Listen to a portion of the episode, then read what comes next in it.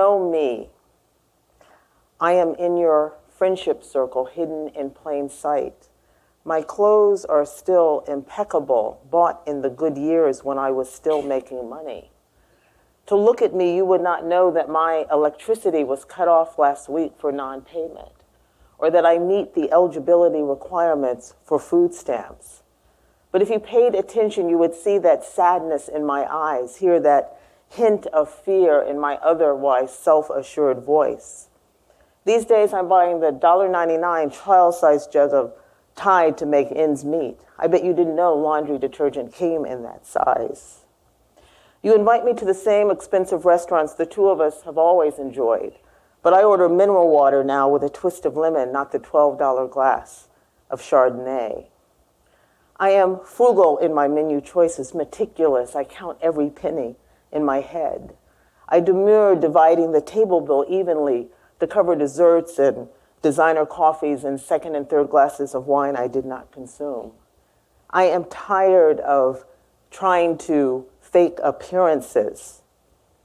A friend told me that I'm broke, not poor, and there is a difference. I live without cable, my gym membership, and nail appointments. I've discovered I can do my own hair. There is no retirement savings, no nest egg. Um, I exhausted that long ago. There is no expensive condo to draw equity and no husband to back me up. Months of slow pay and no pay have decimated my credit. Bill collectors call constantly reading verbatim from a script before expressing polite sympathy for my plight and then demanding payment arrangements I can't possibly meet. Friends wonder privately how someone so well educated could be in economic freefall. I'm still as talented as ever and smart as a whip, but work is sketchy now, mostly on and off consulting gigs. At 55, I've learned how to fake cheeriness, but there are not many opportunities for work anymore. I don't remember exactly when it stopped but I cannot deny now having entered the uncertain world of formerly and used to be. I'm not sure anymore where I belong. What I do know is that dozens of online job applications seem to just disappear into a black hole. I'm wondering what is to become of me.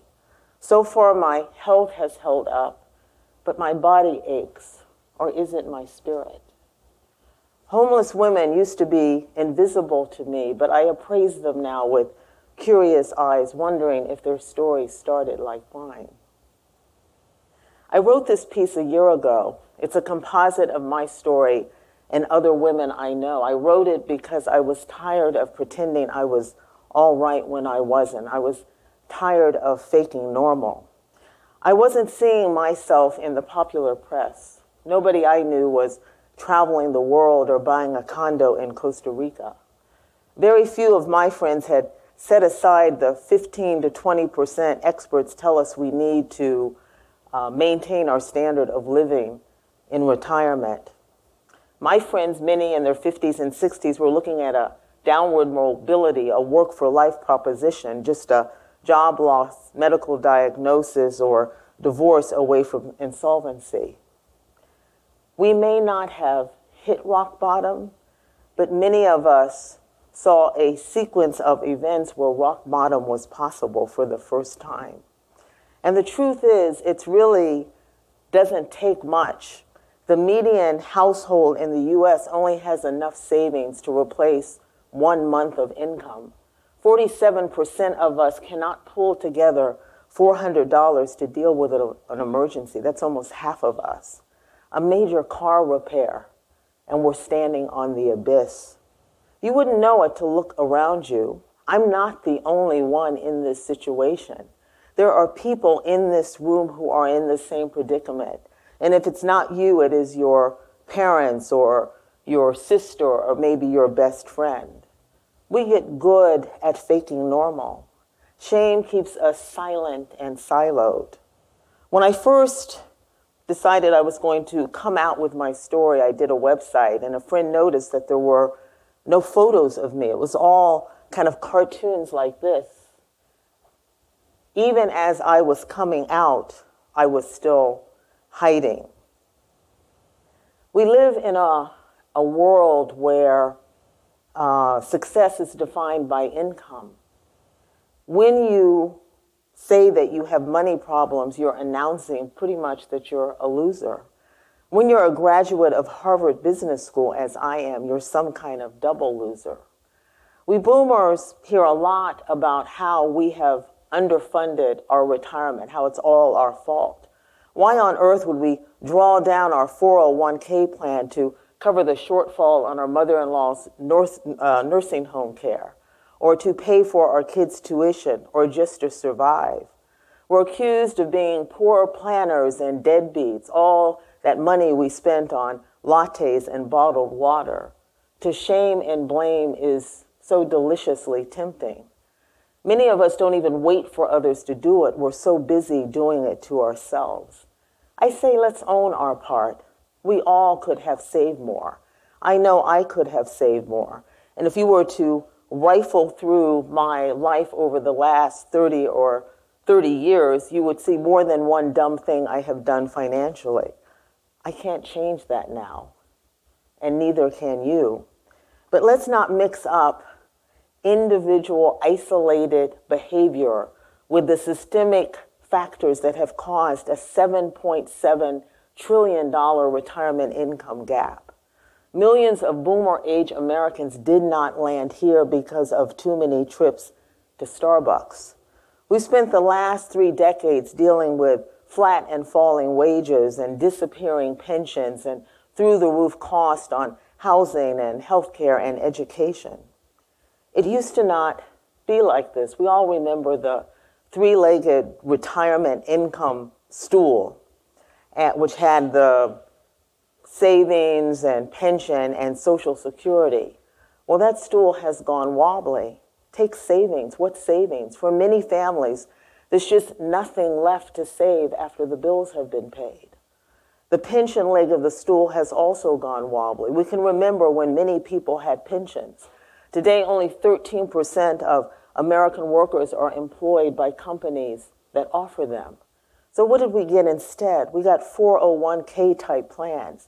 And suddenly, responsibility for retirement planning got shifted from our companies to us. We got the reins, but we also got the risk. And it turns out that millions of us just aren't that good at voluntarily investing over 40 years. Millions of us just aren't that good at managing market risk. And really, the numbers tell the story. Half of all American households have no retirement savings at all. That would be zero. No 401k, no IRA, not a dime. Among 55 to 64 year olds who do have a retirement count, the value of that, median value of that count is $104,000. Now, $104,000 does sound better than zero, but as an annuity, it generates about $300. I don't have to tell you that you can't live on that. With savings down, pensions becoming a relic of the past, and 401k plans failing millions of Americans, many near retirees are dependent on Social Security as their retirement plan. But here's the problem Social Security was never supposed to be the retirement plan. It's not nearly enough. At best, it replaces something like 40% of your pre retirement income. Things have changed a lot from when Social Security was introduced back in 1935. Then a 21 year old male had a 50% chance of living until he was 65. So he he retired at 60, did a little fishing, kissed his grandkids, got his gold watch. He'd be dead within five years of receiving benefits. That's not the pattern today. If you're in your late 50s in good health, you're going to live easily another 20 or 25 years. That's a really long time to make ends meet if you are broke. So, what's the play if you've landed here and you're 50 or 55 or 60? What's the play if you don't want to land here and you're 22 or 32? Here's what I've learned from my own experience the cavalry's not coming. There is no big rescue, no Prince Charming, no big bailout in the works. To have a shot at something other than being old and poor in America, we're going to have to save ourselves and each other.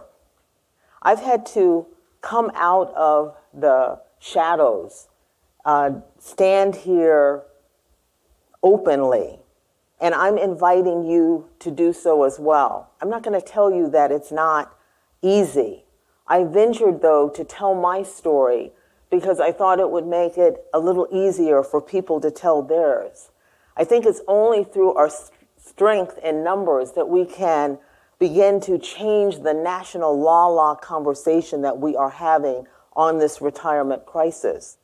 With so many of us shell shocked and adrift about what has happened to us, we're going to have to build up from the grassroots forming what I think are resilience circles. These are small groups of people coming together to talk about what has happened to them, to share resources and information, and to begin to figure out a way forward. I believe from this base that we can find our voices again and sound the alarm, start pushing our institutions and policy makers to go hard on this retirement crisis with the urgency it deserves. In the meantime, and there is an in the meantime, we're going to have to adopt a live low to the ground mindset, drastically cutting back on our expenses. And I don't mean just living within our means. A lot of people are already doing that. What is called for now is to in a much deeper way, ask ourselves what it really means to live a life that is not defined by things. I call it smalling up. Smalling up is figuring out what you really need to feel contented and grounded. I have a friend who um, drives really beat up, raggedy cars, but he will scrimp and save $15,000 at one point to buy a flute because music is what really matters to him. He smalled up. I've had to also let go of magical thinking, this, this idea that if I just was patient enough and tightened my belt, that things would go back to normal. If I just sent in one more CV or applied to one more job online or attended one more networking event, that surely I'd get the kind of job I was used to having. Surely things would return to normal. The truth is, I'm not going back, and neither are you. The normal that we knew is over. In this new place that we're, we are, we're going to be asked to do things that we don't want to do. We're going to be asked to take assignments that we think are beneath our station and our talent and our skill. I have had to get off my throne. Last year, a good friend of mine asked me if I would help her with some organization work. I assumed she meant community organizing along the lines of what President Obama uh, did in Chicago. She meant organizing somebody's closet. I said, I'm not doing that. She said, Get off your throne. Money is green.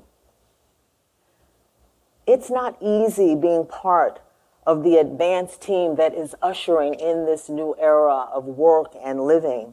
First is always hardest. First is before there are networks and pathways and, and role models, before there are policies and, and uh, ways to show us uh, how to go forward. We're in the middle of a seismic shift, and we're going to have to find bridge work to get us through. Bridge work is what we do in the meantime. Bridge work is what we do while we're trying to figure out what is next. Bridge work is also letting go of this notion that our worth and our value depend on our income and our titles and our jobs. Bridge work can look crazy or cool depending on how you were rolling when your personal financial crisis hit.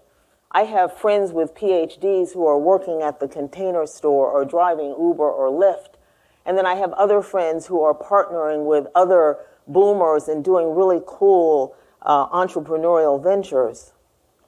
Bridgework doesn't mean that we don't want uh, to build on our past careers, that we don't want meaningful work, we do.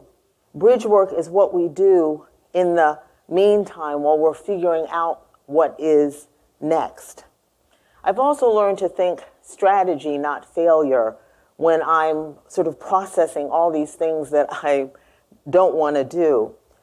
And I say that that's an approach that I would invite you to consider as well. So if you need to move in with your brother to make ends meet, call him. If you need to take in a boarder to help you pay your mortgage or pay your rent, do it. If you need to get food stamps, get the darn food stamps. AARP says only a third of older adults who are eligible actually get them.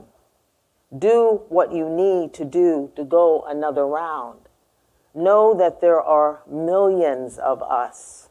Come out of the shadows. Cut back, small up. Think strategy, not failure. Get off your throne and find the bridge work to get you through the lean times. As a country, we have achieved longevity, investing billions of dollars in the diagnosis, treatment, and management of disease. It's not enough to just live a long time. We want to live well. We haven't invested nearly as much in the physical infra- infrastructure to ensure that that happens. We need now a new way of thinking about what it means to be old in America. And we need guidance and ideas about how to live a richly textured life on a much more modest income. So I am calling on change agents and social entrepreneurs, artists and elders and impact investors. I'm calling on developers and disruptors of the status quo. We need you to help us imagine the uh, how to invest in the services and products and infrastructure that will support our dignity, our independence, and our, our well being in these many, many decades that we're going to live. My journey has taken me from a place of fear and shame to one of humility and understanding. I'm ready now to link shields with others to fight this fight, and I'm inviting you to join me. Thank you.